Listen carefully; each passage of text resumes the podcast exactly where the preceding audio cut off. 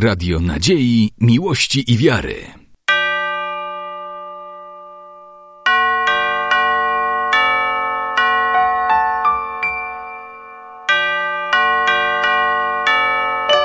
Radio Ortodoksja.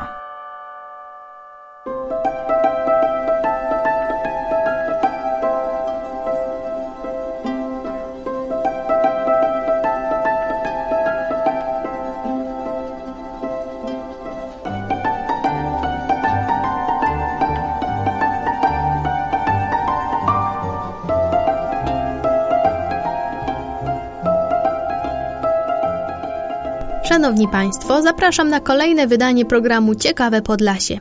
Tak jak obiecałam tydzień temu, w dzisiejszym odcinku przyjrzymy się historii Białego Stoku, bowiem już jutro rozpoczynają się dni naszego miasta, jego swoiste urodziny. Z tej okazji przyjedzie do nas m.in. zespół Alphaville. Przewidzianych jest również sporo innych atrakcji, wystawy, spacery historyczne, start pokazowego balonu Montgolfier i parada zwierząt w mundurach – Trochę więcej powiem o tym na koniec naszego programu, a teraz zapraszam na podróż w czasie do początków historii Białego Stoku.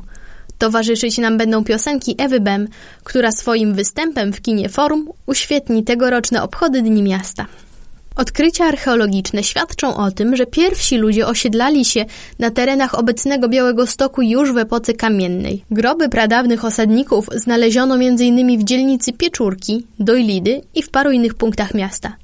We wczesnej epoce żelaza zamieszkiwali tu Prusowie, Sudawowie i ludność kultury zarubinieckiej, po której pozostały imponujących rozmiarów kurhany, prawdopodobnie grobowce wodzów, w okolicy obecnej wsi Rostołty. Od tej pory Białostoczyzna cały czas znajduje się na styku kultur. Szlak handlowy łączący Bałtyk z Morzem Czarnym sprzyjał mieszaniu się nurtów osadniczych jaćwiesko-rusko-polskich. W okresie wczesnofeudalnym obszar ten pozostawał bez przynależności do państw ościennych. Rywalizacja zakonu krzyżackiego, Litwy, książąt mazowieckich i ruskich zakończyła się tym, że w XIV wieku tereny obecnego miasta znalazły się w granicach Litwy. Po Unii w Krewie, która miała miejsce w roku 1385, zaczęli się pojawiać na Białostoczyźnie misjonarze, najczęściej pochodzący z Niemiec. Pierwsza pisana wzmianka o Białymstoku pochodzi z 1426 roku. W dokumencie tym wielki książę litewski Witold nadaje wieś Bielszczany Stok Maciejowi z Tykocina. W połowie XV wieku tereny, na których leży Białystok, przeszły we władanie bojara żmudzkiego Jakuba Raczki Tabutowicza, herbu Łabędź, potomka bojara Klausucja, kolonizatora puszcz, Rodzina jego wybudowała pierwsze dwory w Dojlidach i w Białymstoku. Po ślubie z Katarzyną z Wołbowiczów, wdową po Mikołaju Bakałarzewiczu, 3 października 1547 roku dobra te przeszły w ręce Piotra Wiesiołowskiego, starszego, herbu Ogończyk. Miał dwóch synów, Piotra i Jana, z których dziedzicem został Piotr, a następnie jego syn Krzysztof, marszałek wielki litewski. Wiesiołowscy zbudowali murowany kościół i pałac według projektu Hioba Bretfusa. Po bezdzietnej śmierci Krzysztofa ziemie te zgodnie z jego życzeniem przeszły na rzecz państwa. Na mocy postanowień Unii Lubelskiej w 1569 roku Białystok wraz z całym województwem podlaskim został przyłączony do korony polskiej. W XVII wieku, w zamian za zasługi wojenne, Białystok został przyznany wraz ze starostwem Tykocin hetmanowi polnemu Stefanowi Czarnieckiemu. Jego pomnik po dziś dzień stoi w Tykocinie. On z kolei przekazał tę ziemię swojej córce Katarzynie Aleksandrze, żonie Jana Klemensa Branickiego. Był on dziadkiem swojego słynnego imiennika, hetmana wielkiego koronnego.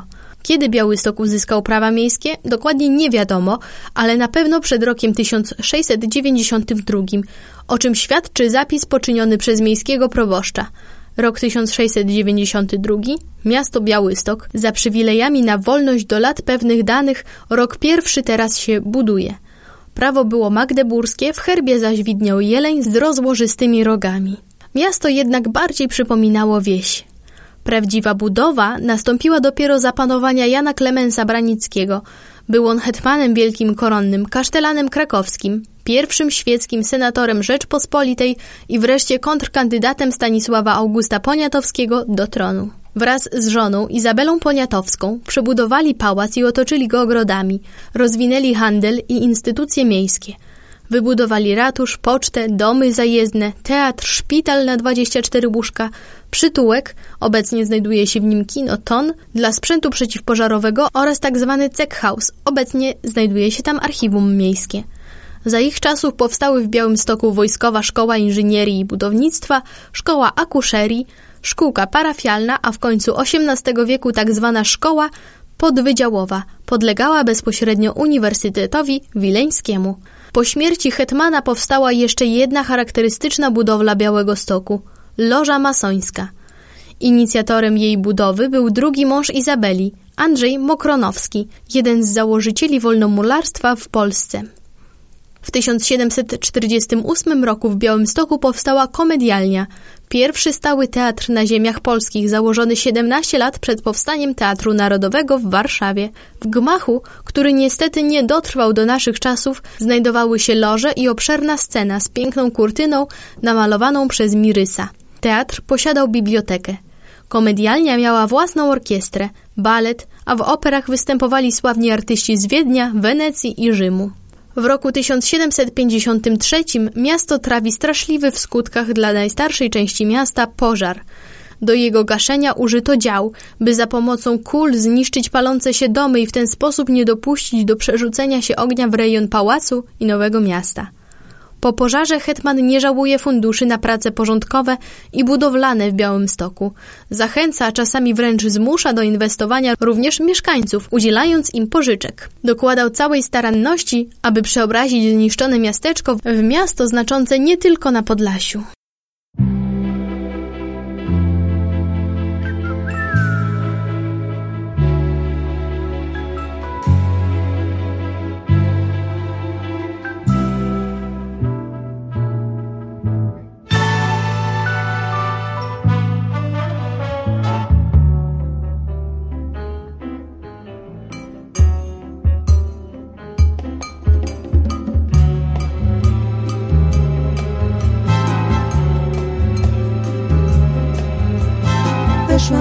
Zaraz wracam. Może nawet jeszcze prędzej. Po małżeństwie ja się raczej nie zagnieszczę Wyszłam za mąż wcześnie rano. Wyszłam za mąż niedaleko. Wyszłam za mąż, tak wypadło. Wyszłam za mąż, ty poczekaj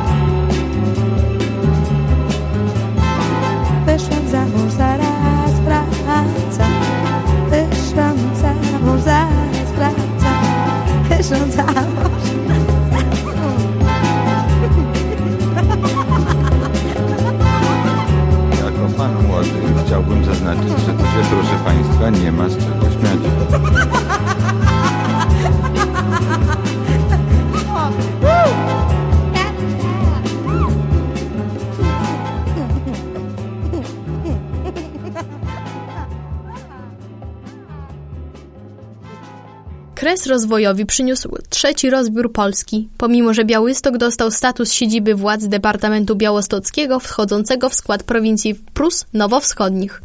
Prusacy nie dbali o rozwój miasta ani o jego estetykę. Liczba mieszkańców wprawdzie szybko rosła, lecz, jak to wynika z zachowanych inwentarzy, substancji mieszkaniowej nie przybywało. Prowadziło to do dewastacji budynków. Sytuacja nie poprawiła się również po 1807 roku, gdy Białystok znalazł się w granicach Imperium Rosyjskiego. Obwód otrzymał prawa guberni. Z reprezentacyjnej rezydencji Białystok przeobraził się w prowincjonalną mieścinę. W latach dwudziestych XIX wieku w białostockim gimnazjum działało Stowarzyszenie Promienistych, utrzymujące kontakty z wileńskimi filaretami i filomatami.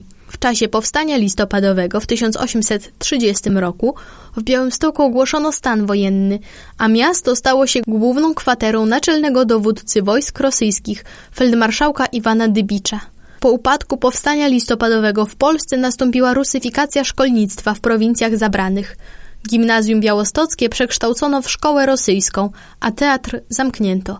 W 1839 roku na mocy postanowień Synodu Połockiego zlikwidowano wszystkie diecezje unickie w Imperium Rosyjskim poza diecezją chełmską, administracyjnie włączając unitów w poczet członków rosyjskiego kościoła prawosławnego.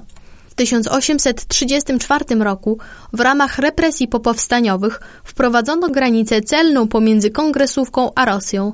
Ten tragiczny dla Polski okres dla Białego Stoku stał się okresem odrodzenia miasta, ponieważ dla rozwijającego się przemysłu włókienniczego Rosja była głównym rynkiem zbytu. Zagrożeni bankructwem fabrykanci z Łodzi zaczęli przenosić swoje fabryki, ale ponieważ transport był wtedy bardzo drogi, ulokowali je tuż za granicą, czyli w Białymstoku i okolicach.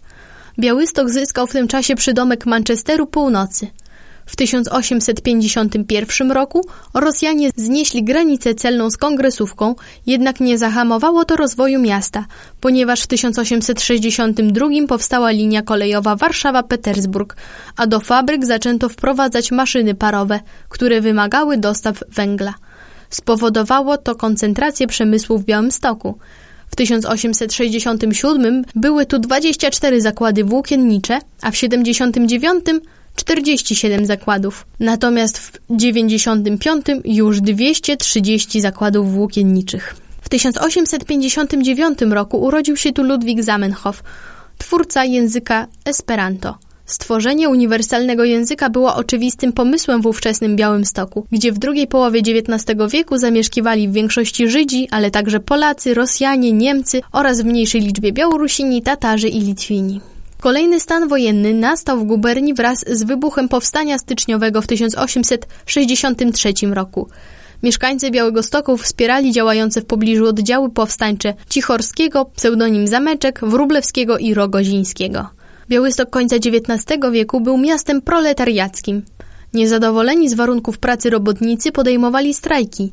Pierwszy miał miejsce w 1895 roku, a pierwszy pochód pierwszomajowy miał miejsce w roku 1903. Rewolucja 1905 roku miała bardzo krwawy przebieg. Manifestacje zostały stłumione przez wojsko i policję. W 1915 Białystok zajęły wojska niemieckie i pozostały w nim aż do końca wojny. Białystok pozostał stolicą województwa, ale jego znaczenie zmalało. W czasie I wojny światowej władze carskie w miarę zbliżania się frontu ewakuowały fabryki w głąb Rosji. Niemcy, gdy stało się jasne, że przegrywają wojnę, wywieźli resztki maszyn. Dodatkowo po wojnie Białystok przestał być miastem granicznym, a przemysł został odcięty od rosyjskich rynków zbytu. 19 lutego 1919 roku na mocy umowy białostockiej wojska niemieckie opuściły miasto, przekazując je w ręce Polaków. Siły polskie obsadziły Białystok w dniach 19 i 20 lutego. Wydarzenie to spotkało się z formalnym protestem ze strony władz bolszewickich w Moskwie, uznających miasto za część swojego państwa. 28 lipca 1920 roku miasto zostało zajęte przez bolszewików, którzy powołali w gmachu Pałacu Branickich tymczasowy Komitet Rewolucyjny Polski na czele z Julianem Marchlewskim. Miał to być rząd Polskiej Republiki Rad, który przejmie władzę po zajęciu Warszawy. W ramach ostatniej fazy Bitwy Warszawskiej 22 sierpnia 1920 roku pierwszy i piąty pułk piechoty legionów odcięły w Białymstoku drogę wycofującym się oddziałom III, 15 i 16 Armii Sowieckiej. W czasie bitwy oddziały polskie rozbiły większość cofających się wojsk i wzięły do niewoli 7200 jeńców. Lata międzywojenne to okres szybkiego rozwoju miasta, ale także trudny czas dla prawosławnych mieszkańców Białego Stoku, którzy utożsamiani byli przez katolików z władzą carską i jej polityką rusyfikacyjną. W 1938 roku zburzono będącą w fazie końcowej budowy cerkiew przy ulicy Sienkiewicza. Materiały budowlane ze zburzonej cerkwi zostały wykorzystane do budowy kościoła świętego Rocha. Cerkiew garnizonową w koszarach 10 Pułku Ułanów przekształcono w kościół pod wezwaniem świętego Stanisława, a cerkiew garnizonową w koszarach 40 Pułku Piechoty przy ulicy Traugutta przekształcono w kościół Najświętszego Serca Jezusowego. Cerkiew przy ulicy Bema została zburzona. Cerkiew Dojlicką Narodzenia Najświętszej Marii Panny wraz z całym majątkiem nieruchomym przejął Kościół katolicki – Wkrótce cerkiew też została zburzona. W 1919 cerkiew świętych Cyryla i Metodego w Starosielcach wraz z domem parafialnym została odebrana przez Kościół rzymskokatolicki.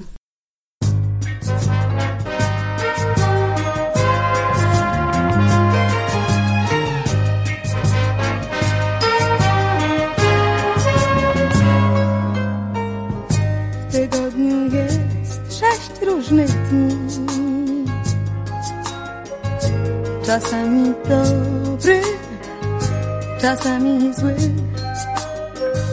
Przekreślasz je wciąż dzień po dniu. Na siódmy dzień Czekając już.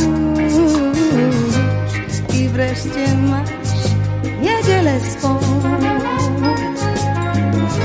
I nagle nie wiesz Co zrobić z nią nie pierwszy raz zawodzi cię Ten siódmy dzień Czasem dobry, czasem nie.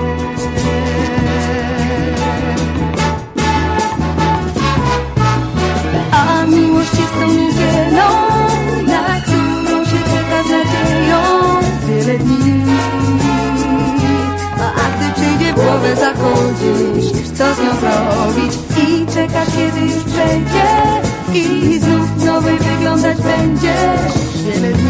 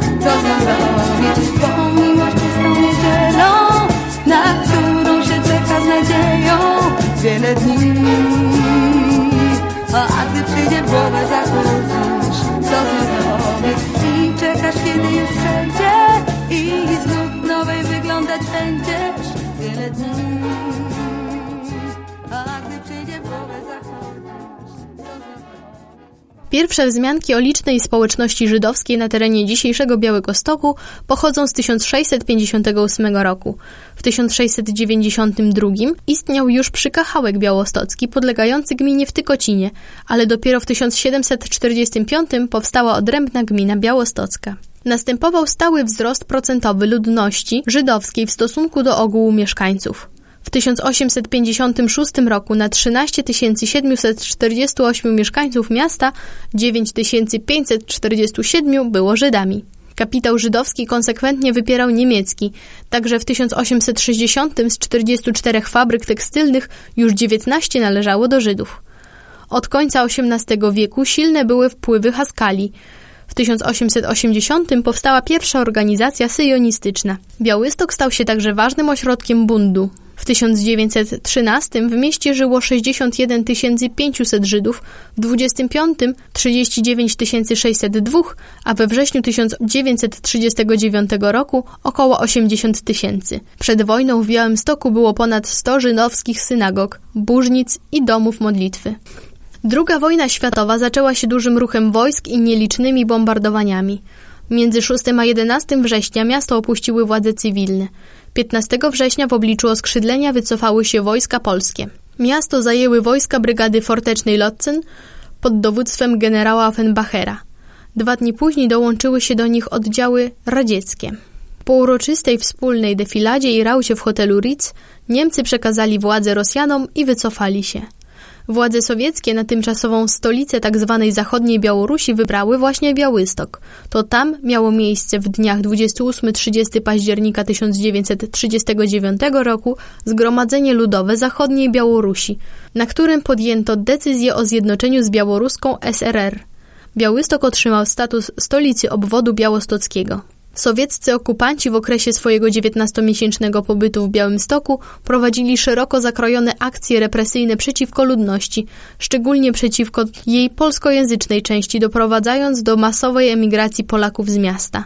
Od września 1939 roku do wybuchu wojny radziecko-niemieckiej Białystok był jednym z dwóch głównych, obok Lwowa, ośrodków działania polskich komunistów, którzy po 1945 roku objęli władzę w Polsce. Przywódcą tego środowiska był Alfred Lampe.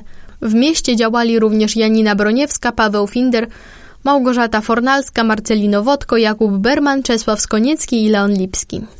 22 czerwca 1941 roku Niemcy zerwały pakt i zaatakowały ZSRR. 27 czerwca bataliony Einsatzgruppen i Wehrmachtu wkroczyły do Białego Stoku. Tego samego dnia spacyfikowały one żydowską dzielnicę Hanajki, mordując kilka tysięcy mieszkańców, paląc około dwóch tysięcy ludzi żywcem w głównej synagodze. W wyniku pożaru zniszczona została prawie połowa zabudowy miasta – Pomnik tego wydarzenia, kopuła spalonej synagogi, znajduje się dziś przy ulicy Legionowej. Na przełomie lipca i sierpnia utworzono getto dla ocalałych Żydów. Po zajęciu miasta hitlerowcy utworzyli w dawnych koszarach 10 Pułku Ułanów Litewskich obóz dla jeńców radzieckich.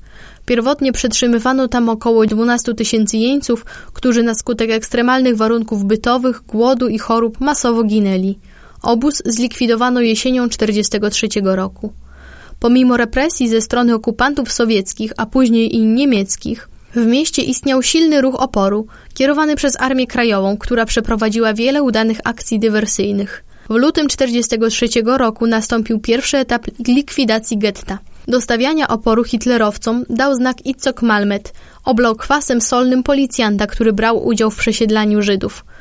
16 sierpnia 1943 roku w getcie białostockim wybuchło powstanie. W lipcu 1944 roku w wyniku nalotów lotnictwa sowieckiego w mieście wybuchały pożary, które zniszczyły pozostałą część śródmieścia. Po ciężkich walkach 27 lipca 1944 roku oddziały sowieckie wdarły się do centrum miasta, wypierając oddziały niemieckie na linie rzeki Białej i Starosielc. 29 lipca wojska niemieckie ostatecznie opuściły granice miasta, przekraczając rzekę Narew. Białystok, który 22 lipca 1941 roku został wcielony do niemieckich Prus Wschodnich, był traktowany przez wojska sowieckie na równi z miastami niemieckimi. Wywożono maszyny i urządzenia przemysłowe oraz rabowano mieszkańców. W aktach odwetu oddziały AK i NSZ spaliły parę wsi i zamordowały ich mieszkańców, głównie ludność białoruską. Na mocy umowy granicznej pomiędzy Polską a ZSRR z 16 sierpnia 1945 roku ziemia białostocka powróciła do Polski. Granice polityczne podzieliły archidiecezję wileńską.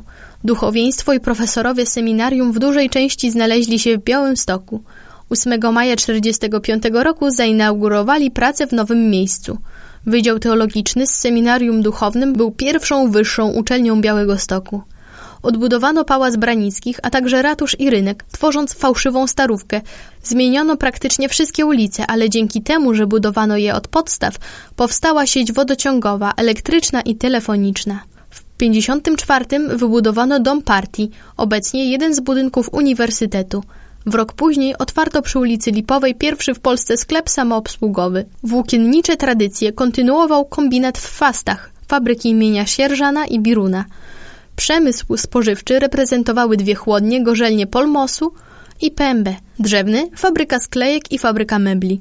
Ponadto do ważniejszych zakładów należały fabryka przyrządów i uchwytów, a później fabryka dywanów Agnella i Biazet, który jako pierwszy w bloku wschodnim produkował kolorowe telewizory. Od 1950 roku działają Akademia Medyczna i Wyższa Szkoła Inżynierska, która obecnie zmieniła nazwę na Politechnika Białostocka. Od 1974 filie Akademii Muzycznej i Państwowej Wyższej Szkoły Teatralnej.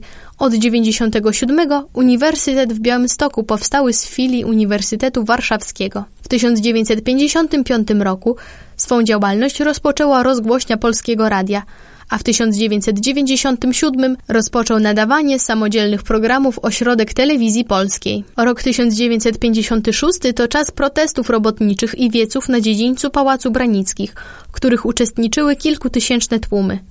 Niewątpliwie jednym z najważniejszych wydarzeń lat 70. były centralne dożynki, odbywające się w 1973 roku z udziałem najwyższych władz – Specjalnie na ten cel wybudowano tzw. Tak tereny wystawowe przy ulicy Kawaleryjskiej, obecnie bazar. Dwie niewielkie rotundy przy ulicy Akademickiej, obecnie są to lokale gastronomiczne, kompleks tzw. Tak białostockich spotków w Parku Miejskim przy ulicy Bohaterów Monte Cassino, obecnie jest to siedziba Wojewódzkiego Ośrodka Animacji Kultury, oraz stadion, obecnie miejski, przy ulicy Słonecznej.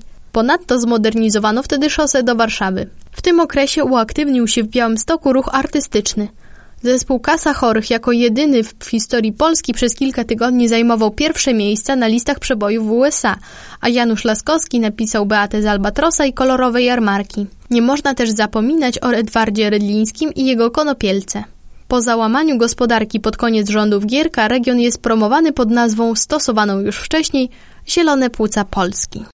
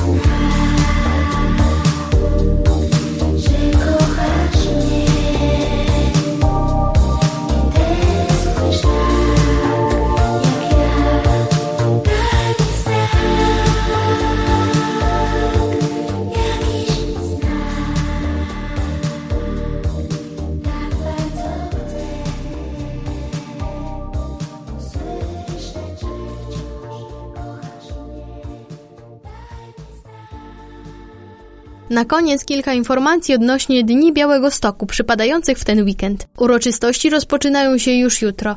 O godzinie 13 otwarcie wystawy Moja Galeria to ulica przy ulicy Młynowej 2. O 17.30 koncert Selawi, piosenki Andrzeja Zauchy w wykonaniu solistów Studium Wokalno-Aktorskiego w Auli Studium przy ulicy Zwycięstwa 28, a o 19.00 na kampusie Uniwersytetu w Białymstoku koncert Cira pocztówki z miasta B oraz potańcówka plenerowa z zespołem White Stock. W sobotę w godzinach 16.20 na dziedzińcu Pałacu Branickich odbędą się Dni Dworskie. Z udziałem grup rekonstrukcyjnych, namiotów hetmańskich będą koncerty zespołów z Domu Kultury Śródmieście, a także Akademickiej Orkiestry Barokowej z Wrocławia, a o 19.00 nastąpi start pokazowy balonu Mongolfie. O 17.00 w kinie Forum spektakl Alicja po drugiej stronie lustra Teatru Polonia i Papahema a o 18:00 otwarcie wystawy Heleny Boch-Leszackiej Mosty Die Brücken w Galerii imienia Ślędzińskich przy Legionowej 2. Na koniec dnia koncert zespołu Alphaville na rynku Kościuszki. W niedzielę odbędzie się jarmark świętojański również na rynku Kościuszki, a w godzinach 10-16 na skwerze Armii Krajowej pokażą się zwierzęta w mundurach, a od 11 do 15 odbędzie się festyn rodzinny Bezpieczne Wakacje w Ośrodku Sportów Wodnych na Dojlidach. O godzinie 19 w kinie Forum nastąpi wręczenie nagrody artystycznej prezydenta miasta Białego Stoku oraz koncert Ewy Bem z zespołem. Jest też mnóstwo wydarzeń towarzyszących. Żeby wymienić jedno z nich, 24 czerwca od 18.30 do 3 rano na boiskach zespołu szkół elektrycznych w Białymstoku przy ulicy Tysiąclecia Państwa Polskiego 14 odbędzie się drugi ogólnopolski nocny turniej siatkówki plażowej. To już wszystko w dzisiejszym programie Ciekawe Podlasie. Mam nadzieję, że z nową wiedzą na temat naszego miasta przyjemniej się będzie Państwu spacerowało po jego ulicach. Karolina Ignaciuk, dziękuję serdecznie Państwu za uwagę i zapraszam za tydzień.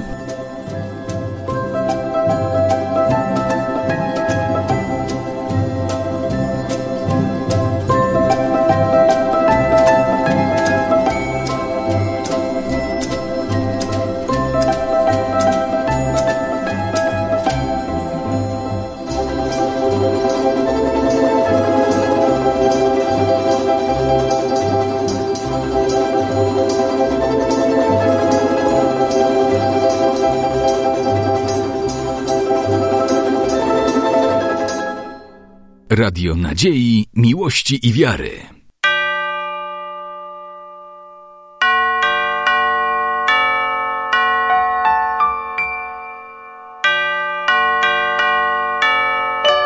Radio Ortodoksja.